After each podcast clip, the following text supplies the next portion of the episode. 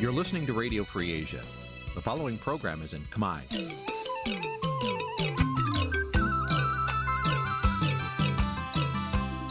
Nǐ chi càm bi tiệp xáy vệt chiu a zì sê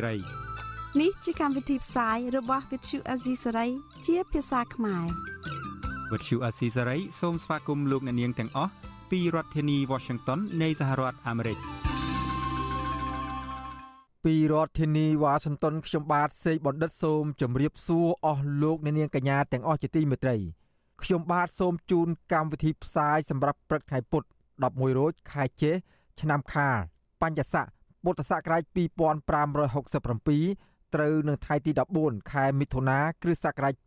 2023បាទជាដំបូងនេះសូមអញ្ជើញអស់លោកអ្នកនាងស្ដាប់ព័ត៌មានប្រចាំថ្ងៃដែលមានមេត្តាដូចតទៅ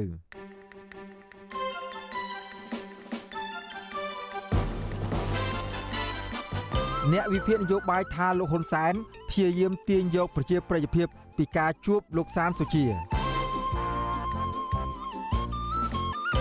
អ្នកការពារសិទ្ធិមនុស្សនិងអ្នកវិភាគថាលោកហ៊ុនសែនកំពុងបំផ្លាញប្រជាធិបតេយ្យដោយការបញ្ជាឲ្យកែច្បាប់បោះឆ្នោត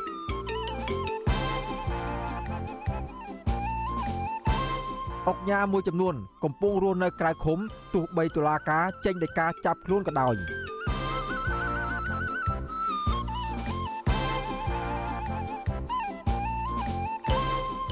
ប្រជាសហគមន៍ស្នើសុំឲ្យអាជ្ញាធរទប់ស្កាត់ការទុនទានព្រៃអភិរក្សជាច្រើនពាន់ហិកតាក្នុងខេត្តមណ្ឌលគិរី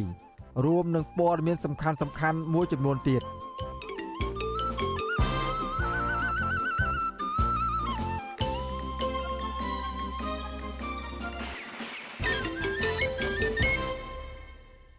ជាបន្តទៅទៀតនេះខ្ញុំបាទសេកបណ្ឌិតសូមជូនព័ត៌មានទាំងនេះពិស្ដាបាទលោកអ្នកនាងកញ្ញាជាទីមេត្រី អ្នកវិភាគនយោបាយនិងមន្ត្រីជាន់ខ្ពស់គណៈបកប្រឆាំងលើកឡើងដូចដូចគ្នាថាលោកនាយករដ្ឋមន្ត្រីហ៊ុនសែនព្យាយាមកេងចំណេញប្រជាប្រិយភាពពីជំនួបជាមួយលោកសានសុជា ការលើកឡើងយ៉ាងដូចនេះធ្វើឡើងបន្ទាប់ពីលោកហ៊ុនសែនអះអាងថា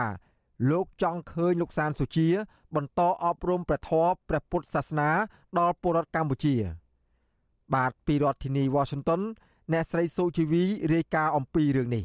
អ្នកវិភាគនយោបាយនិងមន្ត្រីជាន់ខ្ពស់គណៈបកប្រឆាំងលើកឡើងដូចដូចគ្នាថាលោកហ៊ុនសែនមានចេតនាកេងចំណេញប្រជាប្រិយភាពពីការជួបជាមួយលោកសានសុជា ជាជាងមានចេតនាជំរុញឲ្យមានការលើកកម្ពស់ការផ្សព្វផ្សាយធម៌សាសនាព្រះពុទ្ធ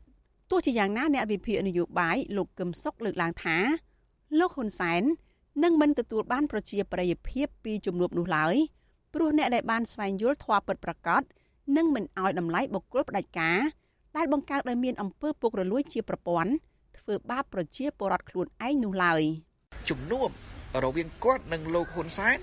មានខ្លឹមសារបែបណា ដើម្បីកុំឲ្យប្រជាពលរដ្ឋមហាជនទូទៅសង្ស័យគ្រាន់តែលបងសានសុជា បង្ហាញខ្លឹមសារពិតប្រាកដជាសាធារណៈពន្យល់មហាជនទៅគឺចប់ហើយតែប្រសិនបើនៅលាក់បាំងច្បាស់ណាស់វាបង្កើតការសង្ស័យច្រើនបង្កើតភាព ច្របូកច្របល់បន្ថែមទៀតហើយការសង្ស័យនិងភាពច្របូកច្របល់នឹងហើយ គឺជាផលប្រយោជន៍នយោបាយដ៏ធំរបស់លោកហ៊ុនសែនពីព្រោះលោកហ៊ុនសែនបំណងសំខាន់របស់គាត់ទាញឲ្យចូលជាមួយគាត់ប៉ុន្តែបើទាញមិនបានគឺបង្កើតការសង្ស័យរវាងគ្នានឹងគ្នានៃអ្នកស្រឡាញ់យុតិធម៌និងប្រជាធិបតេយ្យឲ្យច្របូកច្របល់ធ្វើការជាមួយគ្នាមិនបានលោកហ៊ុនសែននិងលោកសានសុជា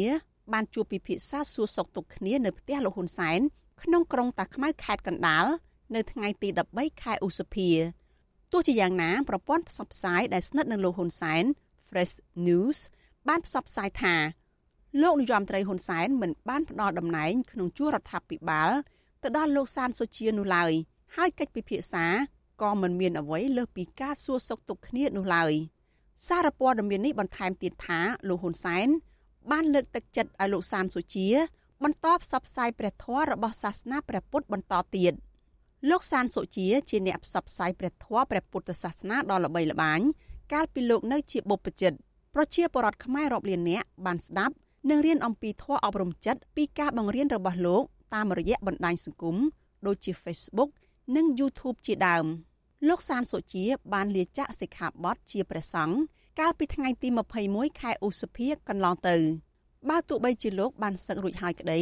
ប៉ុន្តែលោកនៅតែបន្តផ្សព្វផ្សាយធម៌សាសនាព្រះពុទ្ធនៅលើបណ្ដាញសង្គមជាពិសេសធម៌អភិធម្មដែលជាធម៌អប់រំផ្លូវចិត្តមនុស្សឲ្យទទួលបានសេចក្តីសុខតាមរយៈការធ្វើអំពើល្អបើទោះបីជាលោកហ៊ុនសែនបានលើកឡើងថាលោកសានសុជា បានសូមជួបលោកក្តីប៉ុន្តែជំនួបនេះត្រូវគេមើលឃើញថា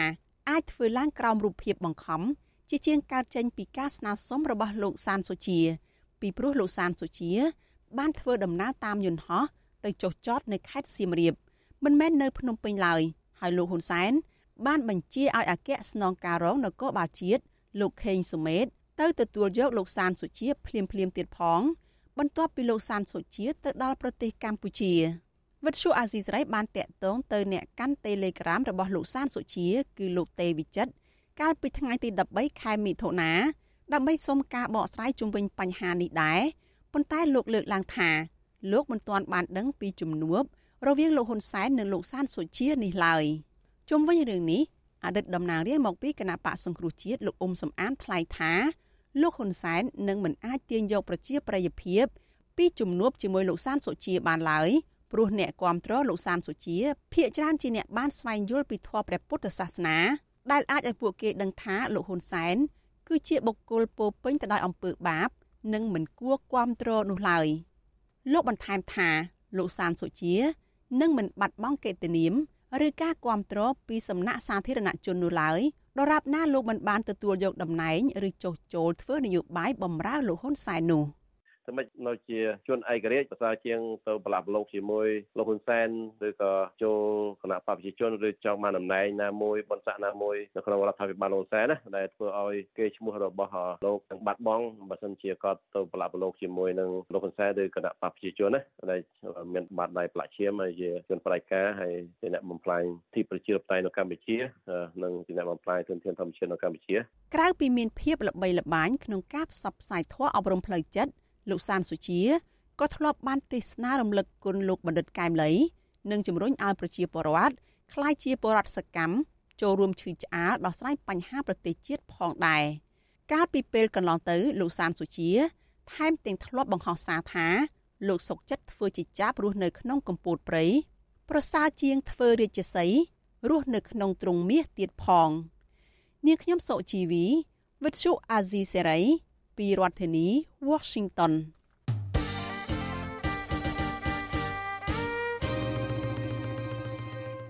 បាទលោកអ្នកនាងកញ្ញាជាទីមេត្រីពាក់ព័ន្ធនឹងការបោះឆ្នោតវិញលោកនាយករដ្ឋមន្ត្រីហ៊ុនសែនបញ្ជាទៅរដ្ឋមន្ត្រីក្រសួងមហាផ្ទៃនិងរដ្ឋមន្ត្រីក្រសួងយុទ្ធភ័ពឲ្យពន្លឿនធ្វើវិសោធនកម្មឬកែច្បាប់បោះឆ្នោតឲ្យបានលឿនដើម្បីបិទផ្លូវអ្នកដែលមិនបានទៅបោះឆ្នោតនៅថ្ងៃទី23ខែកក្កដាខាងមុខ ដើម្បីកុំឲ្យអ្នកទាំងនោះមានសិទ្ធិចូលឈ្មោះឲ្យគេបោះឆ្នោតអ្នកវិភាគថាលោកហ៊ុនសែនកំពុងប្រើល្បិចកំទេចអ្នកនយោបាយបកប្រឆាំងនិងអ្នកប្រជាធិបតេយ្យនៅកម្ពុជាឲ្យសូន្យដែលជាអំពើផ្ទុយពីច្បាប់កម្ពុជារបស់ជាតិបាទពីរដ្ឋធានីវ៉ាស៊ីនតោនលោកទីនសាការីយ៉ារាយការណ៍អំពីរឿងនេះលោកសានប្រកាសយករូបមន្តការច្បាប់បោះឆ្នោតនេះគឺលោកយកលំនាំតាមរដ្ឋាភិបាលយោធាថៃដែលបដូរពីការបោះឆ្នោតជាសិទ្ធិ ទៅជាការបំពេញកាតព្វកិច្ចចំពោះអ្នកដែលត្រូវចូលឈ្មោះឲ្យគេបោះឆ្នោតឲ្យយ៉ាងហោចណាស់មាត្រាចំនួន2នៃច្បាប់បោះឆ្នោតនឹងត្រូវរើសរើឬកែប្រែថ្មីដើម្បីតម្រូវចិត្តលោកនាយករដ្ឋមន្ត្រីហ៊ុនសែនដែលលោកហៅថាជាការវាយផ្ដាច់ព្រាត់លើបកប្រឆាំងដែលធ្វើយុទ្ធនាការមិនឲ្យបរដ្ឋរបស់ឆ្នោតលោកហ៊ុនសែនថ្លែងឲ្យដឹងថាមាត្រា35ឬមាត្រា36នៃច្បាប់បោះឆ្នោតដែលនឹងត្រូវកែនោះដោយបន្ថែមពាក្យមួយឃ្លាថាអ្នកមិនបានទៅបោះឆ្នោត គឺមិនអាចទៅចូលឈ្មោះឲ្យគេបោះឆ្នោតបាន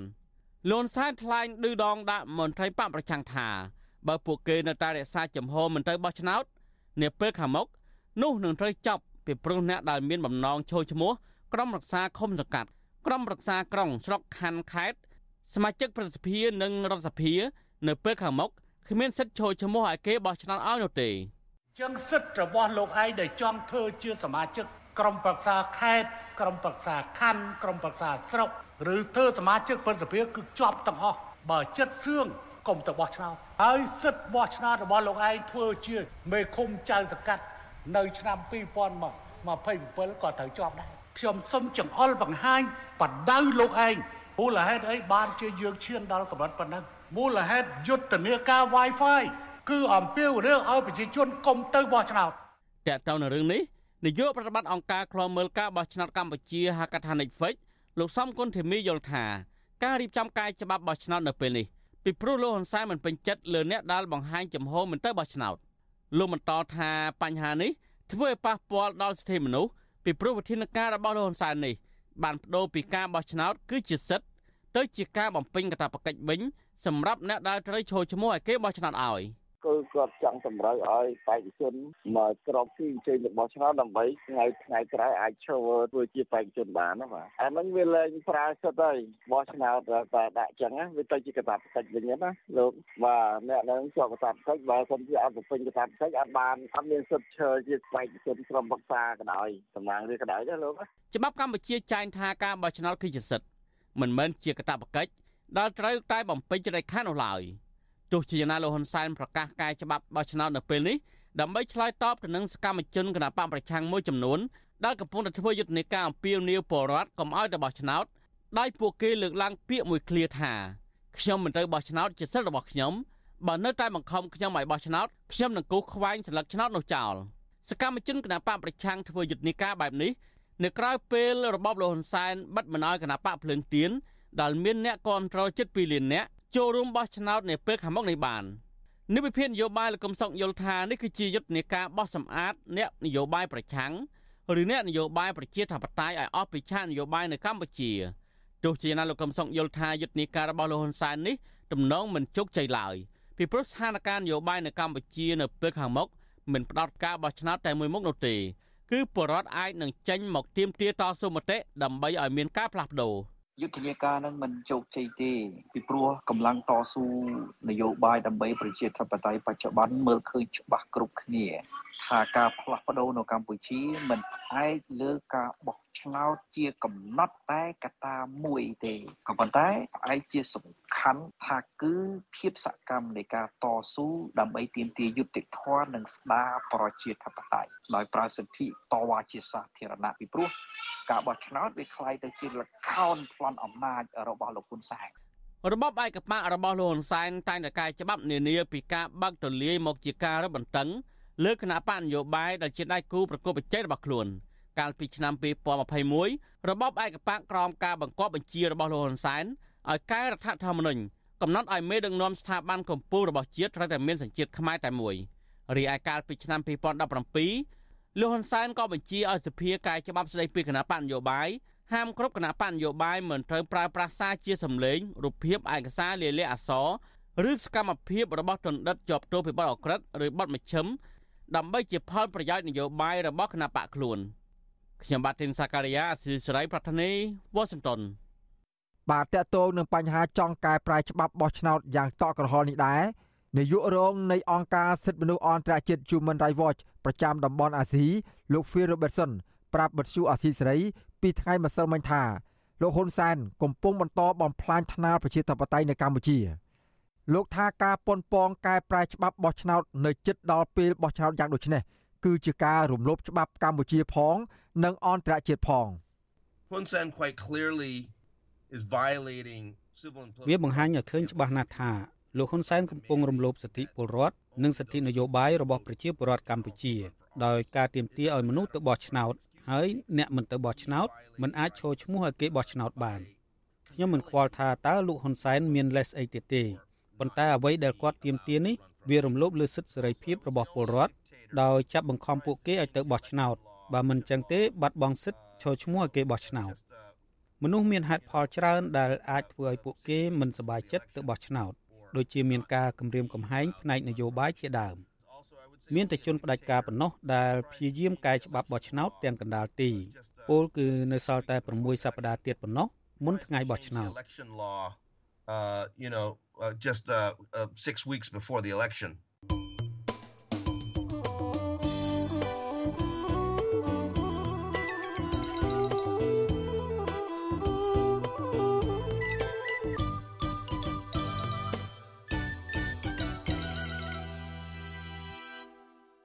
បាទលោកអ្នកនាងកញ្ញាជាទីមេត្រី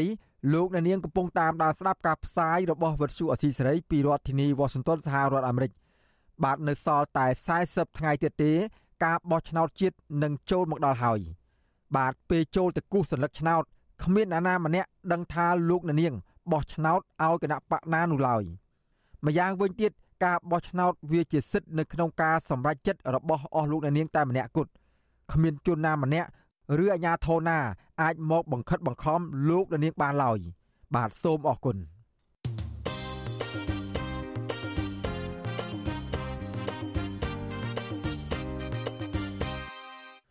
បាទលោកអ្នកនាងកញ្ញាជាទីមេត្រីពាក់ព័ន្ធនឹងការតវ៉ារបស់ក្រមកោតក្រណាការវល់វិញម្ដង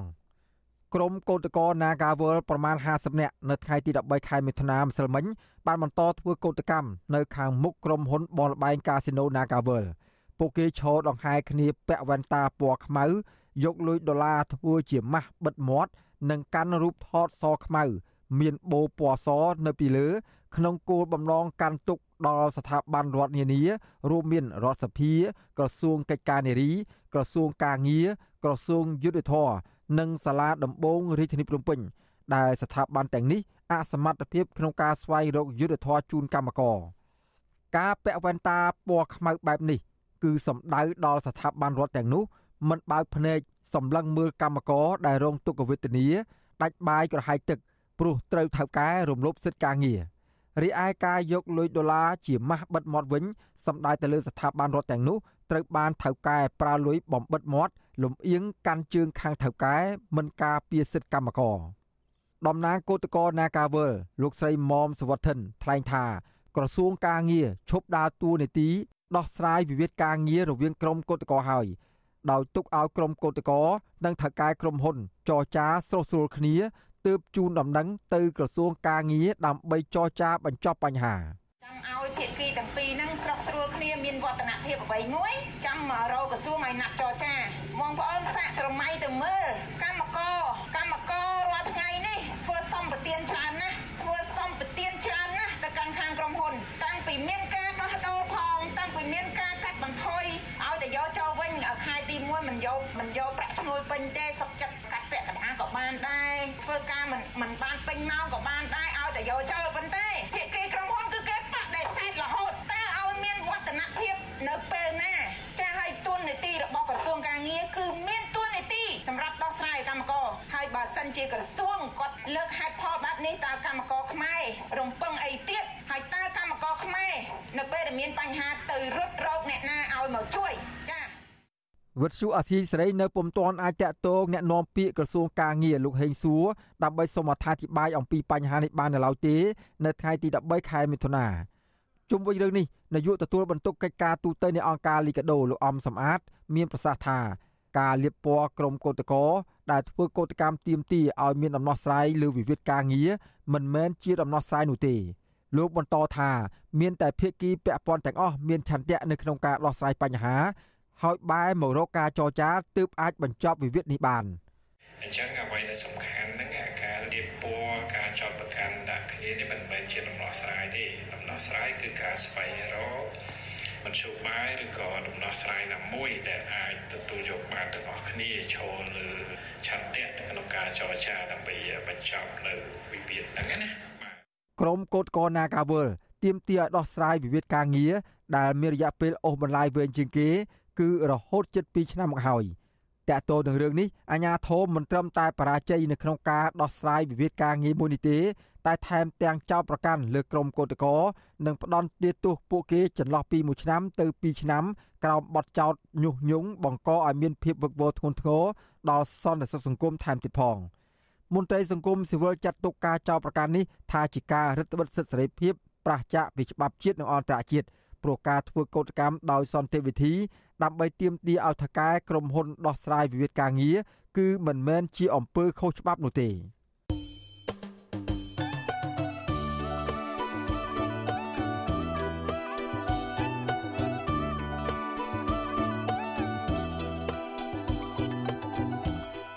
បាទលោកនៅនាងកំពុងតាមដានស្ដាប់ការផ្សាយរបស់វិទ្យុអសីសេរីពីរដ្ឋធានីវ៉ាស៊ីនតោនសហរដ្ឋអាមេរិក។ បាទក្រៅពីលោកដានាងតាមដានស្ដាប់ការផ្សាយរបស់យើងខ្ញុំតាមរយៈបណ្ដាញសង្គមមាន YouTube Facebook និងប្រព័ន្ធសង្គម Telegram នោះលោកដានាងក៏អាចស្ដាប់ការផ្សាយរបស់វិទ្យុអសីសេរីតាមរយៈវិទ្យុរលកធារកាសខ្លីឬ Shortwave តាមកម្រិតនិងកម្ពស់ដូចតទៅនេះបាទពេលព្រឹកចាប់ពីម៉ោង5កន្លះដល់ម៉ោង6កន្លះតាមរយៈប៉ុស SW 12.14 MHz ស្មើនឹងកម្ពស់ 25m ប៉ុស SW 13.71 MHz ស្មើនឹងកម្ពស់ 22m នៅពេលយប់ចាប់ពីម៉ោង7កន្លះដល់ម៉ោង8កន្លះតាមរយៈប៉ុស SW 9.33 MHz ស្មើនឹងកម្ពស់ 32m ប៉ុស SW 11.88 MHz ស្មើនឹងកម្ពស់ 25m និងប៉ុស SW 12.14 MHz ស្មើនឹងកម្ពស់ 25m បាទសូមអរគុណ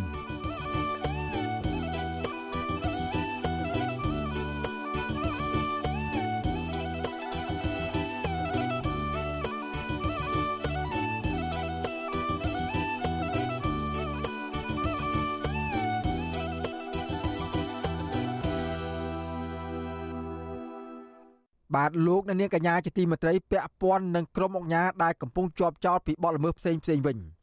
អង្គការមួយចំនួនដែលរងការចោទប្រកាន់ថាមានជាប់ពាក់ព័ន្ធនឹងការរកស៊ីឈើនៅតំបន់ភូមិភាគឦសាននៃខេត្តមណ្ឌលគិរីរួចដឹកយកទៅលក់ក្រៅប្រទេស ជាពិសេសដឹកទៅលក់នៅក្នុងប្រទេសវៀតណាមកាលពីឆ្នាំ2019នោះត្រូវបានដោះលែងនិងអ្នកខ្លះទៀតនៅមិនទាន់ចាប់ខ្លួនមកផ្ដន់ទោសនៅឡើយទេសកម្មជនបរិស្ថានចាត់ទុកការអនុវត្តច្បាប់នេះ ថាហាក់ដូចជាធូររលុងដែលក្រុមអង្គការជួញដូរឈើទាំងនោះអាចនឹងត្រឡប់មករកស៊ីឈើវិញជាក់ជាមិនខាន បាទពីរដ្ឋធានីវ៉ាស៊ីនតោន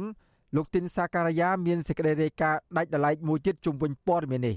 ជារឿយៗនៅពេលចិត្តបោះឆ្នោតលោកហ៊ុនសែនតែងតែប្រកាសឲ្យអ្នកនៅក្រោមអាវ៉ាតរបស់លោកចុះទប់ស្កាត់បទល្មើសព្រៃឈើនិងចាប់មេខ្លោងព្រមទាំងអ្នកនៅពីក្រោយខ្នងនិងអ្នកមានអំណាចយកមកដន្ទាទោសតាមផ្លូវច្បាប់ ផ្ទុយទៅវិញអ្នករកស៊ីកាប់ឈើលក់ទៅក្រៅប្រទេសដែលមានងារជាអង្គញានិងស្និទ្ធស្នាលជាមួយលោកហ៊ុនសែនផងនោះត្រូវបានរួចខ្លួនជារៀងរាល់លើក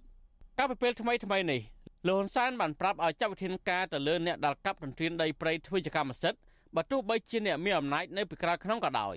ខ្ញុំក៏សូមដាក់ចេញនៅបទបញ្ជាមើលម៉ាត់ដើម្បីចាប់យកមេខ្លោងទាំងឡាយដែលបំពេញច្បាប់ទាំងនោះយកមកប្រន់ទាទោស តាមច្បាប់យើងមិនអាចលើកលែងហើយយោគយល់ដើម្បីក្រន់តែស្លឹកឆ្នោតសម្រាប់មនុស្សប្រមាណអ្នកនោះទេកាលពីឆ្នាំ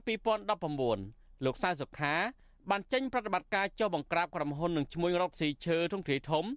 ដែលលួចកាប់ឈើនៅក្នុងតំបន់ការពារស្ថិតនៅក្នុងខេត្តមណ្ឌលគិរីដឹកយកទៅលក់នៅប្រទេសវៀតណាមដែលខុសច្បាប់ ជាលទ្ធផលគណៈកម្មាធិការជាតិដើម្បីទប់ស្កាត់និងបង្ក្រាបបទល្មើសព្រៃឈើធនធានធម្មជាតិនិងតុលាការខេត្តមណ្ឌលគិរី បង្ក្រាបបានអង្គញាសឹងសំអល់ជាម្ចាស់ក្រុមហ៊ុនដឹកឈើដ៏ធំ និងបាក់ពួក4នាក់ទៀតត្រូវបានចាប់ខ្លួន ចំណែកឯអង្គញាស្រុនមេងលៀងម្ចាស់ក្រុមហ៊ុនមេងលៀងអង្គញាតុបវីដាម្ចាស់ក្រុមហ៊ុនវិជ្ជរីនិងអង្គញាវុនប៊ុនថៃរួមទាំងមនុស្ស20នាក់ផ្សេងទៀតក្នុងនោះមានទាំងមន្ត្រីរដ្ឋបាលប្រៃឈើម្ចាស់ក្រុមហ៊ុននាយកក្រុមហ៊ុនអ្នកចាត់ចែងក្រុមហ៊ុនបានរត់គេចខ្លួនបាត់បច្ចុប្បន្នក្រុមអង្គការទាំងអស់នេះពុំមែនស្ថិតនៅក្នុងពន្ធនាគារ ដោយការអះអាងរបស់លោកហ៊ុនសែននោះឡើយផ្ទុយទៅវិញពួកគេកំពុងតែកាន់តួនាទីជាអនុប្រធានកិត្តិយសសាខាកាកបាក់ក្រហមកម្ពុជាខេត្តត្បូងឃ្មុំដែលមានអង្គញាវុនបន្ថៃ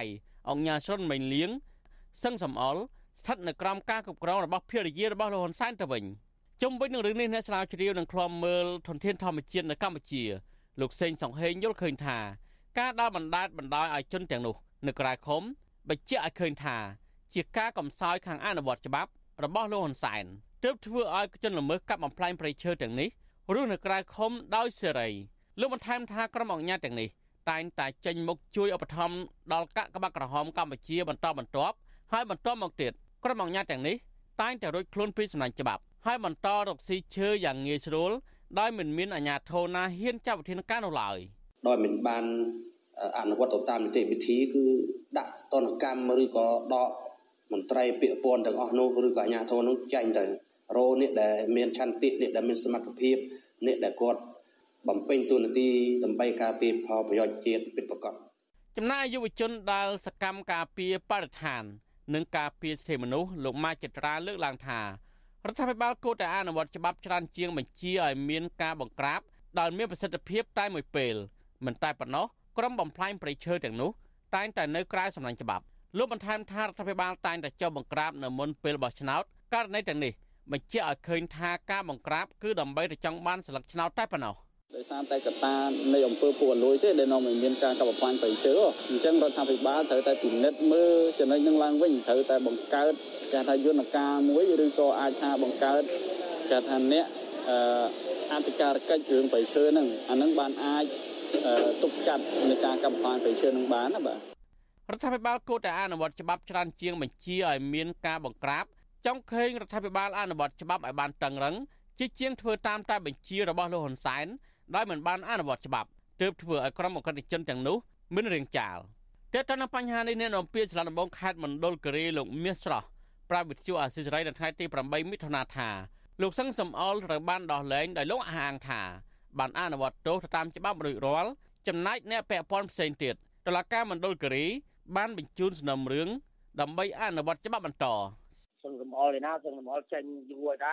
ដាក់ទោសដាក់អីរួចអស់ហើយតាគាត់អនុវត្តទោសនៅពន្ធនាគាររួចហើយតាហ្នឹងខាងសាលារបងខ្ញុំផ្ទេសំណុំរឿងទៅខាង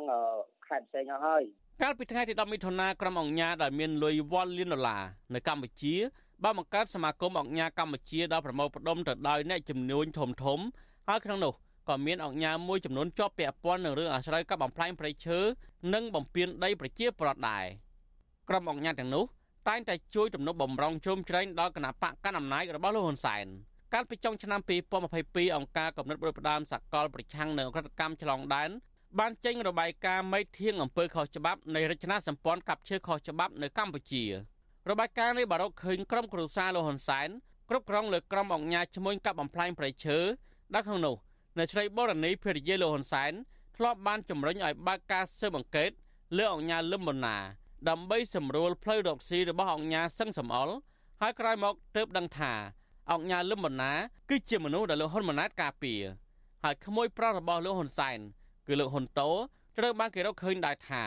មានមុខរបររកស៊ីជាមួយអង្គការទ្រីភិបតាមរយៈក្រុមហ៊ុន MDS Henry Investment ក្នុងការនាំឈើហុបក្នុងការនាំចេញឈើហូបខុសច្បាប់ទៅប្រទេសថៃជាមួយគ្នានេះលោកហ៊ុនតូក៏រកស៊ីជាមួយលោកកឹតមេង សហការជាមួយក្រុមហ៊ុនអភិវឌ្ឍទេសចរយីជាដែលមានថកែជាជនជាតិចិនឈ្មោះហ្វូស៊ិនតាំងទទួលបានសិទ្ធិវិនិយោគប្រាច់មុខនៅក្នុងការអភិវឌ្ឍតំបន់ឆ្នេររៀមក្នុងខេត្តប្រសេះអនុហើយបានដណ្ដើមយកដីប្រជាពលរដ្ឋនិងកាប់ឈើខុសច្បាប់ដែរច្បាប់ស្តីពីការការពារព្រៃឈើនិងច្បាប់ស្តីពីតំបន់ការពារធនធានធម្មជាតិកំណត់ថាការគាស់រុករានដីព្រៃឆ្កាដុតនិងឈូសឆាយដីព្រៃដើម្បីយកធ្វើជាកម្មសិទ្ធិគឺជាបទល្មើសអក្រិត ដែលជនល្មើសប្រព្រឹត្តនិងត្រូវប្រន្ទាទោសដាក់ពន្ធនាគារពី5ឆ្នាំដល់10ឆ្នាំចំណែកមន្ត្រីពាក់ព័ន្ធធ្វើប្រហែសឬមិនគោរពច្បាប់នេះត្រូវទទួលវិន័យរដ្ឋបាលនិងត្រូវចាប់ប្រកាន់ចំពោះមុខតុលាការហើយមន្ត្រីដែលសំគំនិតត្រូវផ្ដន្ទាទោសដោយជនប្រព្រឹត្តដែរខ្ញុំធីនសាការីយ៉ាអាស៊ីសេរីប្រធានីវ៉ាស៊ីនតោន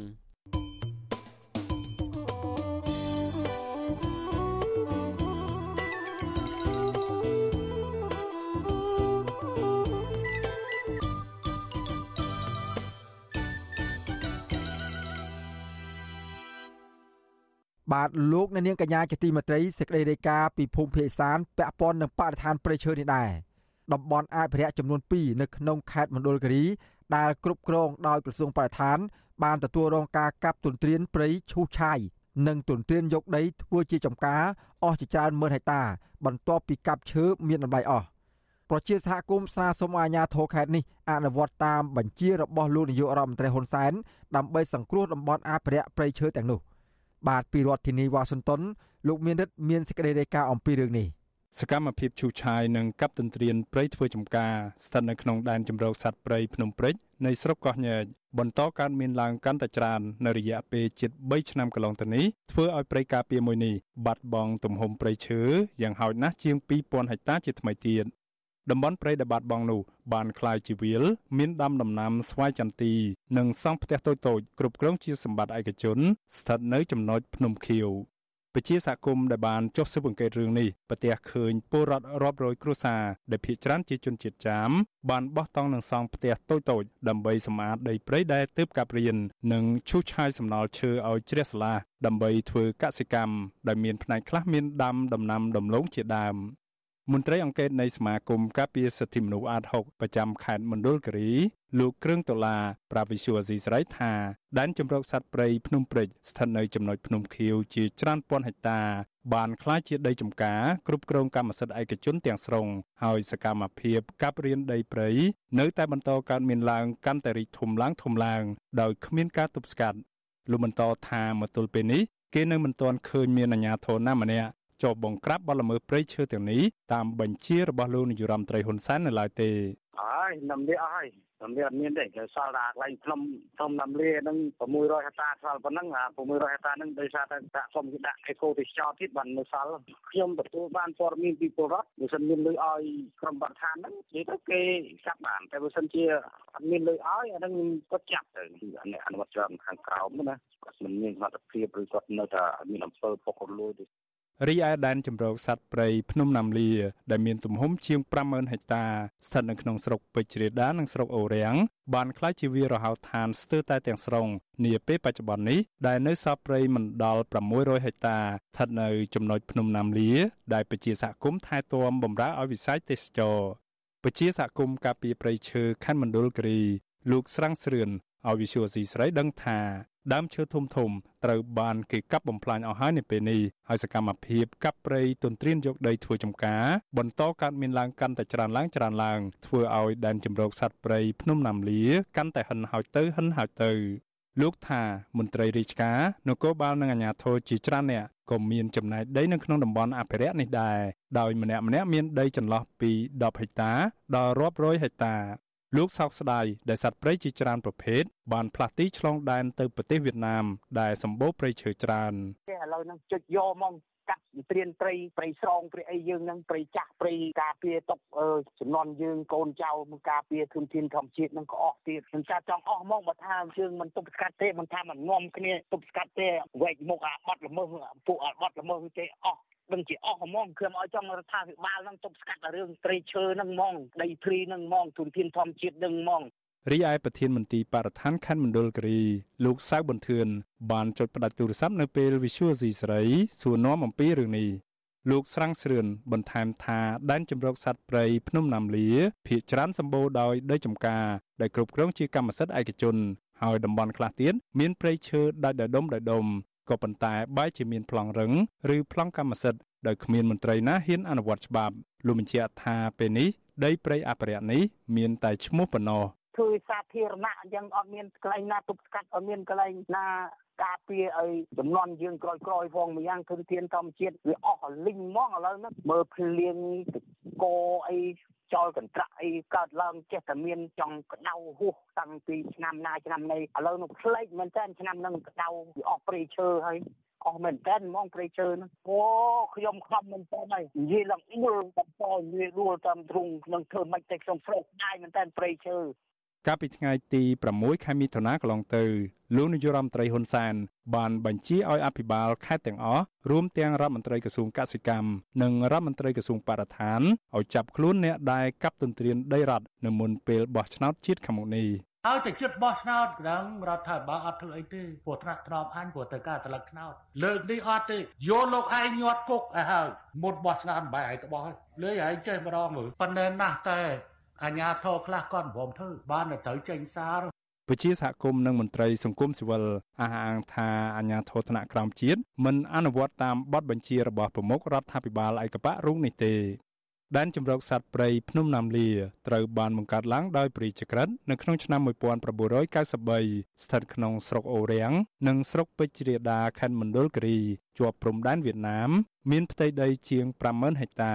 ក៏ប៉ុន្តែរដ្ឋាភិបាល បានកាត់ជ្រៀលដីនៅសល់ត្រឹមជាង30000ហិកតា ដើម្បីផ្ដល់ដីសម្បត្តិសង្គមគិច្ចចែកជូនប្រជាពលរដ្ឋព្រៃអភិរក្សមួយនេះមានទឹកជ្រោះធ្លាក់7ជាន់មានសត្វព្រៃរស់នៅនិងមានសក្តានុពលទេសចរធម្មជាតិជាកន្លែងស្ថិតនៅក្នុងស្រុកពេជ្ររាដា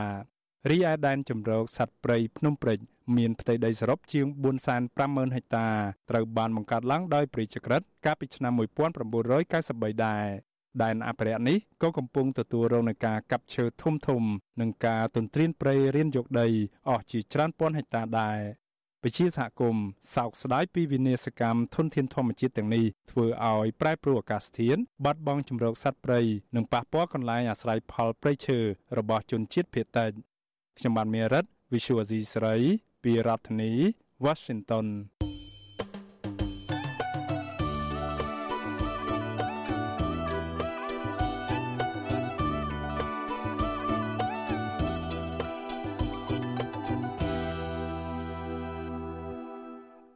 បាទលោកអ្នកនាងកញ្ញាជាទីមេត្រីពាក់ព័ន្ធនឹងកិច្ចការអភិរក្សតំបន់ព្រៃឈើនេះដែរព្រះសង្ឃនិងពលរដ្ឋដែលចុះល្បាតនៅព្រៃសង្ឃរុក្ខវ័នអំពាវនាវដល់សពរដ្ឋជន និងរដ្ឋាភិបាលឲ្យផ្ដល់ការគាំទ្រជាថវិកាដល់សកម្មភាពចុះល្បាតព្រៃនៅក្នុងរដូវវស្សាមន្ត្រីសង្គមស៊ីវិលលើកឡើងថាប្រសិនបើអាជ្ញាធររដ្ឋមិនអើពើនិងមិនផ្ដល់ការគាំទ្រនោះទេធនធានធម្មជាតិព្រៃឈើ និងសត្វព្រៃនៅក្នុងតំបន់ការពារមួយនេះនឹងប្រឈមមុខនឹងការបាត់បង់ជាមិនខាន បាទពីរដ្ឋធានីវ៉ាស៊ីនតោនលោកសនចាន់រដ្ឋារាយការណ៍ជុំវិញព័ត៌មាននេះព្រះសង្ឃនៅប្រជាប្រដ្ឋថាការចលបាតរបស់ពួកគាត់កំពុងប្រឈមមិនមានថវិកាគ្រប់គ្រាន់ក្នុងការចលបាតបានទៀងទាត់ពេលវេលាក្នុងដៅវសានេះទេ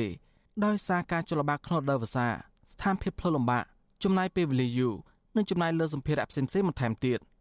ប្រធានសហគមន៍ព្រៃសង្ឃរកវ័នប្រជាជនធោទរុ មានត្រាធិការថារការចលបាគណៈកម្មការវត្តទទួលបន្ទោលើការចំណាយលើសម្ភារៈមួយចំនួនរួមមានដូចជាតង់អង្រឹងមហូបអាហារនិងប្រេងសាំងជាដើមព្រះអង្គបន្តថាក្នុងដើមវសាការចំណាយលើសម្ភារៈទៅនេះនឹងត្រូវការឡើងជាងពេលធម្មតាដោយសារការចលបាតត្រូវចំណាយពេលយូរជាងមុនអឺ ជាទូទៅក្នុងខែវស្សាយើងលំបាកយើងមានសិទ្ធិពិបាកជាងខែប្រាំងព្រោះខែប្រាំងយើងងាយស្រួលក្នុងការធ្វើដំណើរតែខែវស្សាវាមានភក់ជ្រឹមមួយច្រើនឧទាហរណ៍ដូចលក្ខណៈដែលយើងចុះទៅលំបាកប្រើមធ្យោបាយតាមគូយន្តអីមានគូយន្តជាប់គូយន្តអីចឹងទៅវាអាចយឺតដំណើរទី1ទី2ពេលដែលវាជាប់យើងតម្រូវការនៃការទៅទិញសាំងម៉ាស៊ូតអីនឹងផ្លូវវាពិបាកវាចុះសាំងម៉ាស៊ូតទៅព្រោះផ្ដាច់គុណធោទ្រួបន្ថែមថាដើម្បីការពីប្រៃ ដែលនៅសេសសល់ចុងក្រោយក្នុងខែដកម្ជ័យសហគមន៍មានសមាជិកចលបាតចាប់ពី15អង្គអ្នកឡើងទៅនិងចលបាតចាប់ពី4ទៅ6ដងក្នុងមួយខែព្រះអង្គបន្តថាមិនត្រឹមតែការចំណាយលើក្រុមចលបាតនោះទេតែគណៈកម្មាធិការក៏ត្រូវចំណាយលើគ្រួសាររបស់អ្នកចលបាតមួយចំនួនដោយសារប្រកបមកបានរោគប្រាក់ចំណូលគ្រប់គងគ្រួសារអង្គដែលគិតជួយមកនោះមិនមែនសម្រាប់តែក្រុមការងារដែលអាត្មាចុះល្បាតក្នុងមួយខែដែលអាត្មាចម្រើនពូថាពីពី4ទៅ6ដងនោះមិនមែនប៉ុណ្ណឹងទេព្រោះ អឺគណៈកម្មការរបស់អាត្មាគ្រូសាគណៈកម្មការដែលគិតមានជីវភាពខ្វះខាតគឺអាត្មាតែងតែជួយយកកដែលញោមសធារបស់ញោមហ្នឹងយកទៅជួយគាត់ពីកាលគ្រូសាមីគ្រូសាគិតមកល្បាតព្រៃជាមួយអាត្មានៅគ្រូសាគិតឯនោះប្រពន្ធកូនគិតឯនោះគាត់អត់មានអីហូបអញ្ចឹងគាត់ចេះតែជួយអឺតាមលទ្ធភាពសមត្ថភាពដែលអាចធ្វើទៅបានពោះព្រៃសង់រុក្ខវ័នមានផ្ទៃដីជាង30000ហិកតា នៅក្នុងស្រុកអន្លង់វែងចុងកាល់និងស្រុកសំរោង ក្នុងខេត្តដូនមជ័យព្រៃសហគមន៍នេះមានបឹងធម្មជាតិដ៏ស្រស់ស្អាតមួយ ដែលមានទំហំ6000ហិកតាសម្បូរត្រីជីវៈចម្រុះនិងសត្វព្រៃកម្រច្រើនប្រភេទដូចជាសាខ្ទីងទុនសោងស្វាប្រើសខ្លារខិនត្រដក់ធំ ពងរូលខ្លាឃ្មុំតូចឆ្កែព្រៃតូចនិងសត្វកង្កោកជាដើមអតីតប្រធានព្រៃសរកវ័នលោកប៊ុនសលួតលើកឡើងថានៅពេលដែលថាវិការនៃការចលបាតខ្វះខាតការចលបាតនឹងតិចដងជាមុន នឹងមិនបានចំណាយពេលវេលាច្រើនក្នុងការការពារដូច្នេះការបាត់បង់សត្វព្រៃនៅព្រៃឈើជាពិសេសក្នុងរដូវវស្សានេះលោកប៊ុនសលួត បន្តថារយៈពេលប្រមាណឆ្នាំចុងក្រោយនេះបាត់ល្មើសការឡើងច្រើនពិសេសជនល្មើសបានប្រើកំភ្លើងកែច្នៃឡើងវិញការគ្រប់គ្រងព្រៃនេះ អត់បានល្អអញ្ចឹងណាធ្វើឲ្យពេលឈើនេះវាបាត់បង់ទី1បាត់បង់ទៅតាមការលួចកាត់ឈើផលិតអញ្ចឹងការលួចកាត់ឈើផលិតនេះបើយើងមកមានការល្បាតគ្រប់គ្រាន់អាការលួចឆក់កណ្ដៀបរបស់គេនោះវាងាយស្រួលហើយរដូវវស្សានេះគេដឹងថាលោកអត់មានពេលគ្រប់គ្រាន់មកក្នុងការចោះល្បាតទីដូចខ្ញុំថាទី1បាត់បង់សត្វច្រើនណាស់ក្នុងរដូវវស្សាវិទ្យុអេស៊ីសរ៉ៃ មិនតរសំការឆ្លើយតបពីប្រធានមន្ត្រីបរដ្ឋាខេត្តដមជ័យលោកភួងលីណានិងអភិបាលរងខេត្តដមជ័យលោកឌីរ៉ាដូបានឡើយទេ នៅថ្ងៃទី13ខែមិថុនាជុំវិញរឿងនេះមន្ត្រីសម្របសម្រួលគម្រោងនៃសមាគមបណ្ដាញយុវជនកម្ពុជានិងជាអ្នកស្រាវជ្រាវបទល្មើសព្រៃឈើលោកអូឡាទីនលើកឡើងថាអាញាធរមគួរបណ្ដាបណ្ដោយហើយត្រូវផ្ដល់ជាសម្ភារៈថវិកានិងបច្ចេកទេសដល់ប្រសង់និងអ្នកចលបានលោកអូឡាទីនបន្តថាប្រសិនបើអាញាធររដ្ឋនៅតែបណ្ដាបណ្ដោយបែបនេះ និងធ្វើប្រៃឈើនៅសាប្រៃនឹងត្រូវបាត់បង់มันមានការគ្រប់គ្រងឬក៏មានការគ្រប់គ្រងតិចតួចរបៀបនេះវាជាហានិភ័យនៅក្នុងព្រៃសង្រូបវ័នពីព្រោះតែអ្នកដែលប៉ុនប៉ងនៅក្នុងការចូលដល់ព្រឹត្តបាត់ល្មើសវាមានច្រើនពីឯក្រុមអ្នកការពារព្រៃមិនសូវជាមានច្រើនទេវាមានតិចដូច្នេះហើយអាការប៉ះការគ្រប់គ្រងទាំងបច្ចេកទេសទាំងផ្នែក សេដ្ឋកិច្ចនេះគឺនឹងធ្វើឲ្យបញ្ហានៅក្នុងតំបន់សង្រុកវ័នហ្នឹងវាអាចនឹងមានការប្រឈមកាន់តែធ្ងន់ធ្ងរទៅថ្ងៃមុខណាបាទជារឿងរឆ្នាំឈើប្រណិតរាប់រយដើមត្រូវបានកាប់ហើយប្រភេទសត្វព្រៃជិតផុតពូជត្រូវបានសម្លាប់ក្នុងតំបន់អភិរក្សមួយនេះជាក់ស្ដែងកាលពីឆ្នាំ2022ព្រះសន្និសគមរកឃើញសត្វតន្សោងបានងាប់6ក្បាលនិងប្រើស12ក្បាល និងឆ្នាំ2021សត្វព្រៃ9ក្បាលបានងាប់ ស្របពេលសត្វតន្សោងកើតឡើងតែមួយក្បាលឬពីរក្បាលតែប៉ុណ្ណោះក្នុងមួយឆ្នាំរបាយការណ៍មេធាអំពើពុរលួយនៃរចនាសម្ព័ន្ធកាប់ឈើខុសច្បាប់នៅកម្ពុជាជីមផ្សាយនៅក្នុងខែកញ្ញាឆ្នាំ2022បង្ហាញថាប្រព័ន្ធការពារគ្នាទៅវិញទៅមកដែលបង្កើតឡើងនៅក្រមគ្រួសារនាយករដ្ឋមន្ត្រីហ៊ុនសែនជាមួយក្រុមអង្គការនិងកងកម្លាំងប្រដាប់អាវុធគឺជាកត្តាចម្បងធ្វើវិនិស្សកម្មប្រៃឈើនៅកម្ពុជា នៅតែបន្តកើតមានខ្ញុំសុនចាររថាវិទ្យុអេស៊ីសរ៉ៃរាយការណ៍ពីរដ្ឋធានីវ៉ាស៊ីនតោន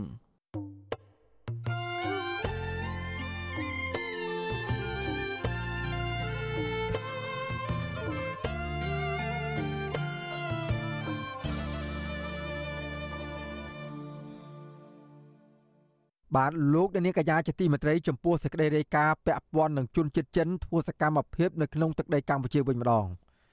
កម្ពុជាក្រោមការដឹកនាំរបស់លោកនាយករដ្ឋមន្ត្រីហ៊ុនសែនគេឃើញជនជាតិចិនមួយចំនួន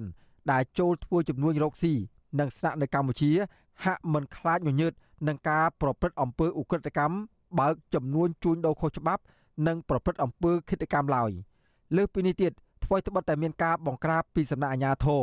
និងមានតុលាការកាត់ទោសជនជាតិចិនមួយចំនួន ដែលល្មើសច្បាប់ជាបន្តបន្ទាប់នោះយ៉ាងណាក្តីក៏ករណីឧក្រិដ្ឋកម្មនិងអំពើឃាតកម្មនានា បង្កដោយជនជាតិចិន នៅតែកើតមានដដែលបាទសូមស្ដាប់សេចក្តីរាយការណ៍របស់អ្នកស្រីសុជីវីអំពីរឿងនេះពីរដ្ឋធានីវ៉ាស៊ីនតោនរដ្ឋាភិបាលឯកបៈរងការរិះគន់ថាអសមត្ថភាពទប់ស្កាត់ជនបរទេសជាពិសេសជនជាតិចិនមួយចំនួនដែលជាប់ពាក់ព័ន្ធ ប្រព្រឹត្តអំពើឃាតកម្មនៅលើទឹកដីខ្មែរ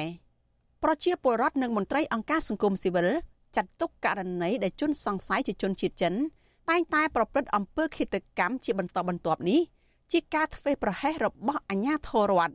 ពលរដ្ឋម្នាក់រស់នៅខេត្តកណ្ដាលលោកមេងវាសនាថ្លែងថា កម្ពុជាគ្មានសន្តិភាពពេញលេញដោយការប្រកាសរបស់ថ្នាក់ដឹកនាំនិងមន្ត្រីក្រាក់ក្រាក់តែងតែស្រែកបន្តនោះទេ ខណៈករណីសម្លាប់មនុស្សនៅតែបន្តកើតមានដែលជាហេតុបង្កឲ្យមានការព្រួយបារម្ភដល់ប្រជាពលរដ្ឋ ការដែលស្រែកថាប្រទេសមានសន្តិភាពហ្នឹងគឺវាបោកប្រាស់ទេមានសន្តិភាពគឺស្ងាត់ព្រោះអីពលរដ្ឋខ្លាចអត់មានធ្វើអត់កម្រើកអីទាំងអស់ដូចជំនាន់ពលពតទេគេសម្លាប់ចោលអញ្ចឹងអត់មានណាហ៊ានថាអីសុខសន្តិភាពអត់មានដែលអត់មានច្បាំងអត់មានអីទេបើយកមនុស្សទៅវាយចោលអញ្ចឹងជាពិសេសគឺអ្នកថាមកកាប់ហ៊ានប្រព្រឹត្តអស់ហ្នឹងឯងមិនផ្ដំទាទោសឲ្យមានកម្រិតទៅតាមច្បាប់ហ្នឹងមកខាងតុលាការហ្នឹងហើយនឹងសមត្ថកិច្ចគេលាក់បាំងគម្រោងសម្លាប់អីអីវ៉ាន់ហ្នឹងគេមិនបង្ហាញមុខជុំវិញរឿងនេះដែរប្រធានសមាគមសម្ព័ន្ធនិស្សិតបញ្ញវន្តខ្មែរលោកកើតសរាយយល់ឃើញថាមូលហេតុដែលជនជាតិចិនមួយចំនួនបង្កការអុកឡុកដល់សង្គមខ្មែរគឺជាការធ្វេសប្រហែសរបស់អាជ្ញាធររដ្ឋាភិបាលក្នុងការអនុវត្តច្បាប់ទៅលើជនជាតិចិនមួយចំនួនដែលតែងមានបំណងធ្វើសកម្មភាពខុសច្បាប់នៅកម្ពុជាលោកព្រួយបារម្ភថាបើករណីអំពើឃាតកម្មកាប់សម្លាប់មនុស្សនៅកម្ពុជា នៅតែបន្តកើតមានភ្ញៀវទេសចរអន្តរជាតិ និងព្រួយបារម្ភពីបញ្ហាសន្តិសុខសวัสดิភាពផ្ទាល់ខ្លួនរបស់ពួកគេ។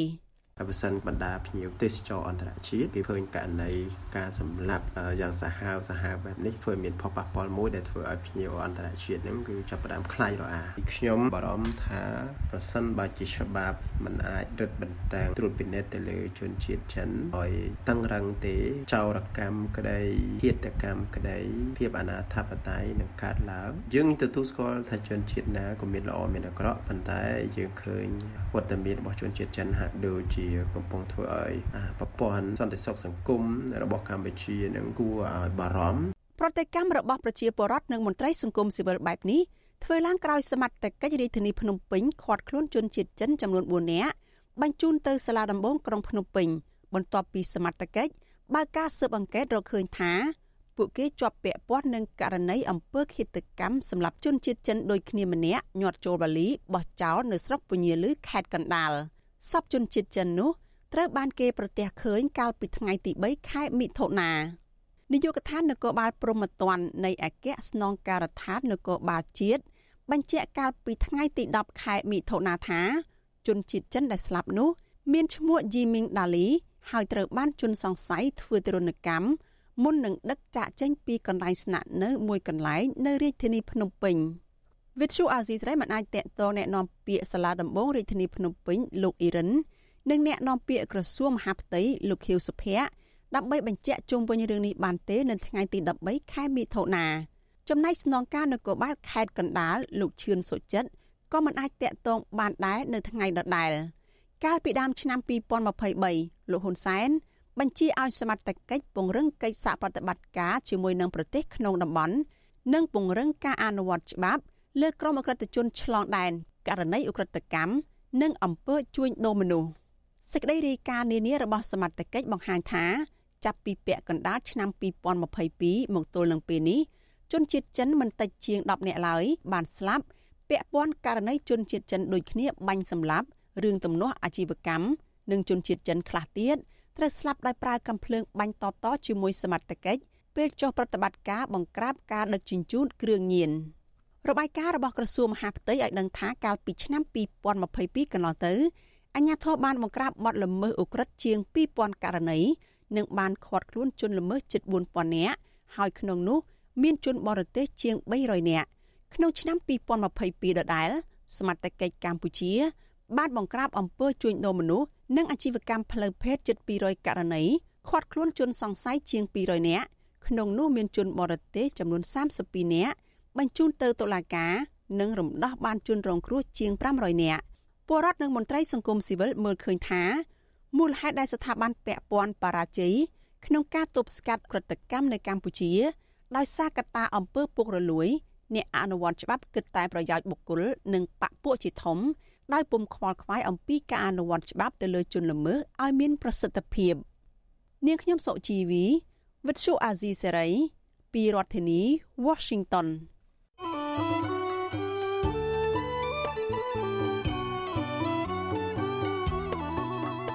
បាទលោកអ្នកនាងកញ្ញាជាទីមេត្រីលោកអ្នកនាងកំពុងតាមដានស្ដាប់ការផ្សាយរបស់វិទ្យុអសីសេរីពីរដ្ឋធានីវ៉ាស៊ីនតោនសហរដ្ឋអាមេរិក ខ្ញុំបាទសូមជម្រាបជូនលោកអ្នកនាងថាវិទ្យុអសីសេរី ចាប់ផ្ដើមការផ្សាយផ្ទាល់កម្មវិធីព័ត៌មាន ទាំងពេលព្រឹកនិងពេលយប់ជាផ្លូវការនៅលើបណ្ដាញសង្គមថ្មីមួយទៀតគឺបណ្ដាញសង្គម Telegram ចាប់ពីពេលនេះតទៅ បាទលោកអ្នកនាងអាចស្វែងរក Telegram ផ្លូវការរបស់វិទ្យុអសីសេរី ដោយស្វែងរកពាក្យថាវិទ្យុអាស៊ីសេរីឬ RFA ខ្មែរនៅលើទូរស័ព្ទដៃរបស់អស់លោកអ្នកនាង Telegram ផ្លូវការរបស់វិទ្យុអាស៊ីសេរី មានសញ្ញាធីកជាសម្គាល់ក្រុមការងារវិទ្យុអាស៊ីសេរីនឹងព្យាយាមរិះរោបវិទ្យុបាយថ្មីថ្មីបន្ថែមទៀតដើម្បីផ្ដល់ភាពងាយស្រួលដល់លោកអ្នកនាង ក្នុងការស្ដាប់ និងទស្សនាការផ្សាយព័ត៌មានរបស់វិទ្យុអាស៊ីសេរី បាទសូមអរគុណ។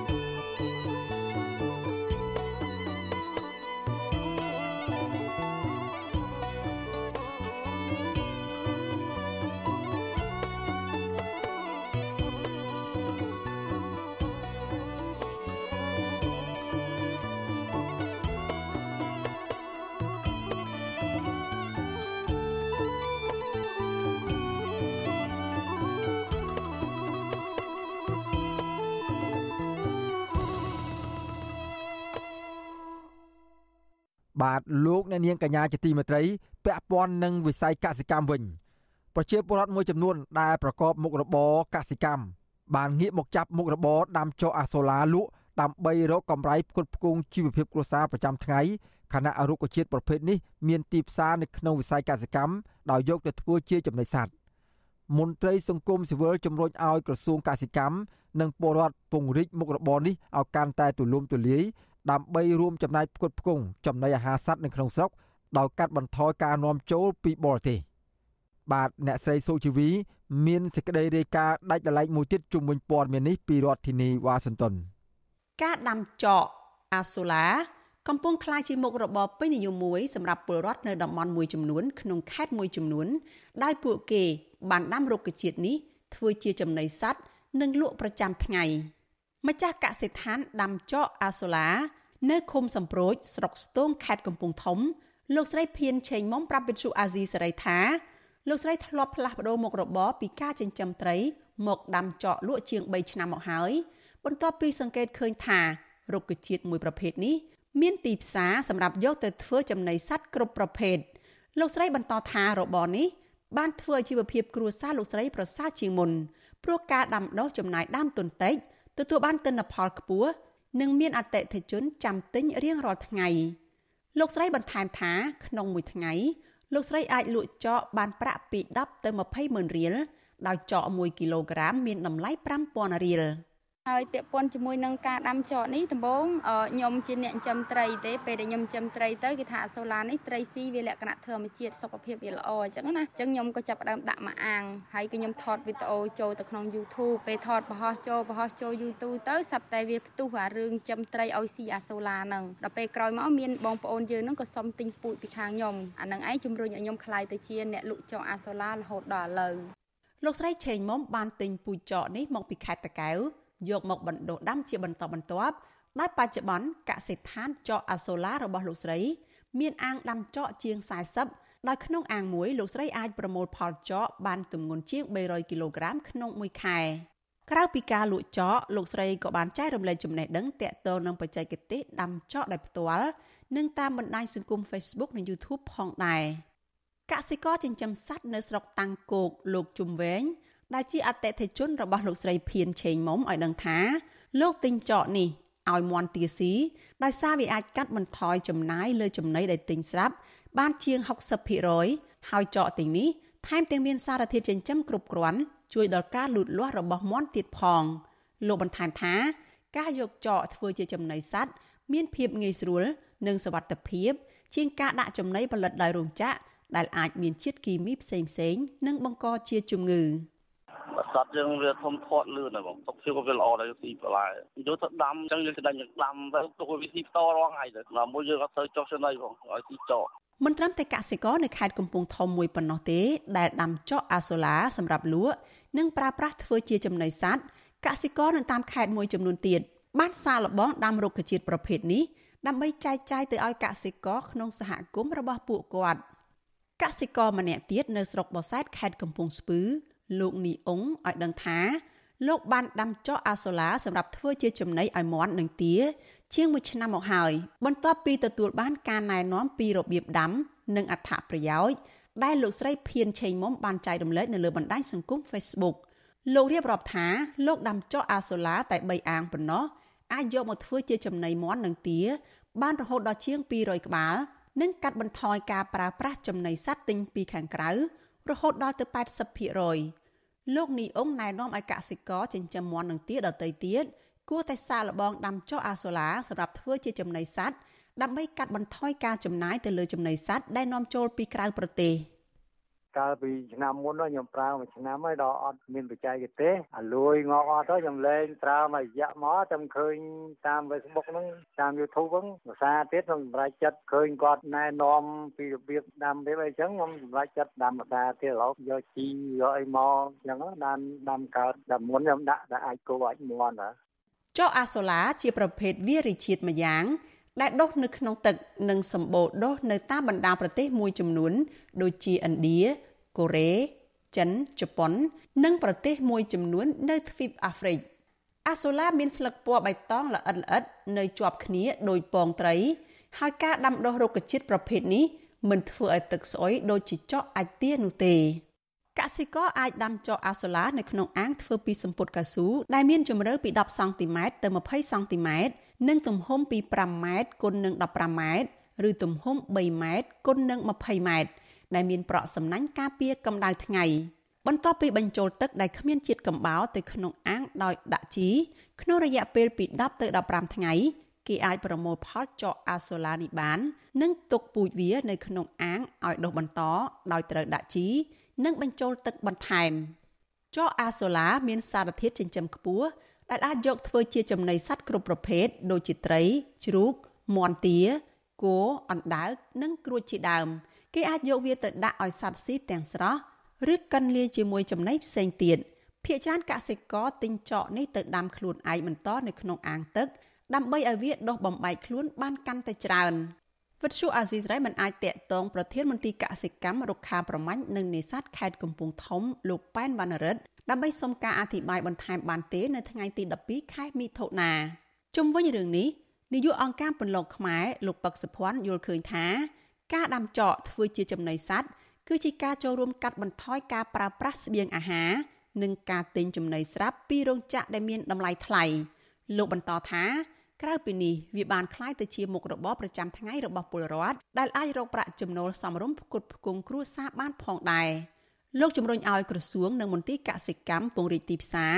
និងផ្ដល់បច្ចេកទេសដាំដុះដំណាំនេះឲ្យបានទូលំទូលាយដើម្បីឈានដល់ការផ្គត់ផ្គង់ចំណីសត្វទូទាំងប្រទេស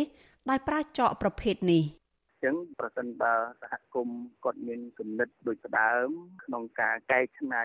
របស់ដែលមាននៅក្នុងសហគមន៍នឹងឲ្យទៅជារបស់មានប្រយោជន៍ក្នុងការប្រើប្រាស់អានោះឯងគឺជានិរន្តរភាពទៅដល់ការលើកកម្ពស់ជីវភាពរបស់គាត់ ហើយវាកាត់បន្ថយការចំណាយផ្សេងៗដូច្នេះការពង្រឹងឲ្យសហគមន៍ដាំច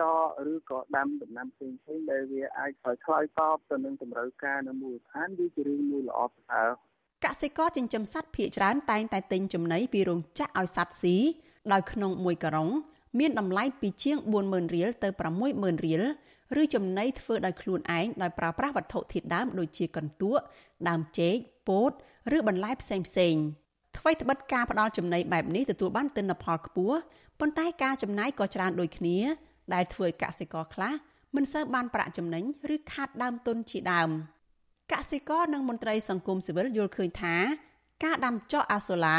នៅមិនទាន់មានភាពទូលំទូលាយនៅឡើយដោយសារកសិករនៅតាមខេត្តមួយចំនួន នៅមិនទាន់ដឹងពីអត្ថប្រយោជន៍នៃរុក្ខជាតិប្រភេទនេះ ពួកគាត់លើកឡើងថាប្រសិនបើមានការជំរុញពីក្រសួងកសិកម្មឬអង្គការនៅក្នុងការផ្សព្វផ្សាយផ្ដល់បច្ចេកទេសតាមស្តង់ដារនិងពង្រីកទីផ្សាររុក្ខជាតិមួយនេះអាចបំពេញតម្រូវការឬកែច្នៃធ្វើជាចំណីសត្វដែលអាចផ្គត់ផ្គង់ទូទាំងប្រទេសបាន។នាងខ្ញុំសុជីវីវិទ្យុអាស៊ីសេរីពីរដ្ឋធានី Washington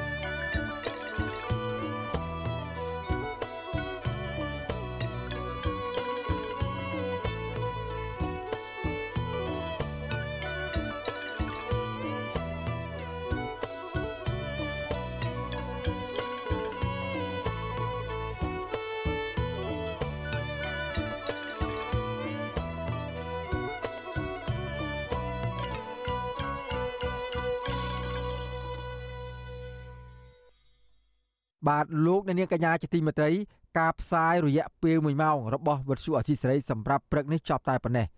យើងខ្ញុំសូមជូនពរដល់អស់លោកអ្នកនាងឲ្យជួបប្រកបតែសេចក្តីសុខចម្រើនរុងរឿងកុំបីឃ្លៀងឃ្លាតឡើយហើយយើងខ្ញុំក៏សូមថ្លែងអំណរគុណយ៉ាងជ្រាលជ្រៅចំពោះអស់លោកអ្នកនាងដែលនៅតែមានភក្ដីភាពតាមដានស្ដាប់ការផ្សាយរបស់វិទ្យុអសីសេរីតាំងពីដើមតរៀងមកខ្ញុំបាទសេកបណ្ឌិតព្រមទាំងក្រុមការងារទាំងអស់របស់វិទ្យុអសីសេរីសូមអរគុណនិងសូមជម្រាបលា